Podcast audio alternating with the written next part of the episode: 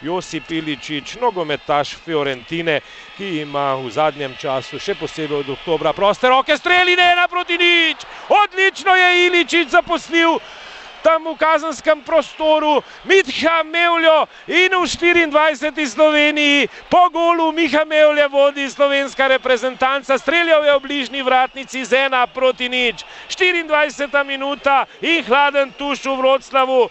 Poljska Slovenija, nič proti ena, strelec pa Miha Mevlja, lepo mu je podal Josip Iličič, izgubljena žoga Poljakov, Krhin in Zajc sta jo dobila na sredini igrišča, potem jo je Zajc izgubil, Ostar je bil Krihovjak, med razrečeno obrambo so Poljaki stekli proti vratom, Krihovjak je udaril 17 metrov, Belec pa je bil na mestu strnili vrste polski nogometaši, pa podaja v sredino Iličiča proti Zajcu. Zajc je udaril z kakšnih 20 metrov, a je bil vratar Boruc na mestu. Nizka žoga je to bila v 40 minuti, še en poizkus Zajca in moral je dobro posredovati Boruc, tudi bil žogo, na to pa so je Poljaki izbili prek sredine igrišča. Še ena dobra akcija slovenskih nogometašev, zelo čvrsto, preudarno in pametno, pragmatično, ne z veliko nogometne lepote, pa igra oslabljena, zdesetkana slovenska enajsterica. Boruca je zamenjal Vojček s cestni, sedaj pa priložnost za Poljake,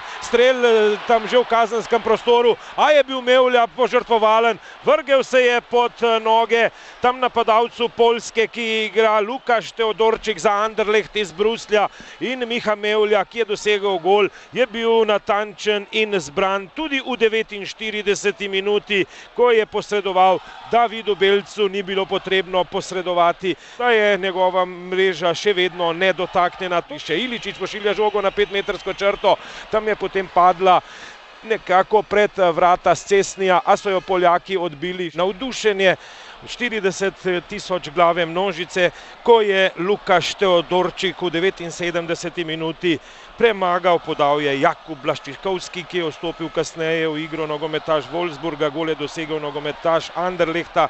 V tem trenutku konec tekme v Vroclavu, Poljska Slovenija na pripravljalni tekmi 1-1, tako da je Slovenija v novi klubski sezoni igrala trikrat neodločeno, od tega dvakrat v kvalifikacijah in dvakrat zmagala Slovaško in Malto ter odlično končala ta jesenski del sezone. To je bila zadnja letošnja pripravljalna in sploh reprezentančna tekma v Vroclavu, pa med Poljsko in Slovenijo 1-1.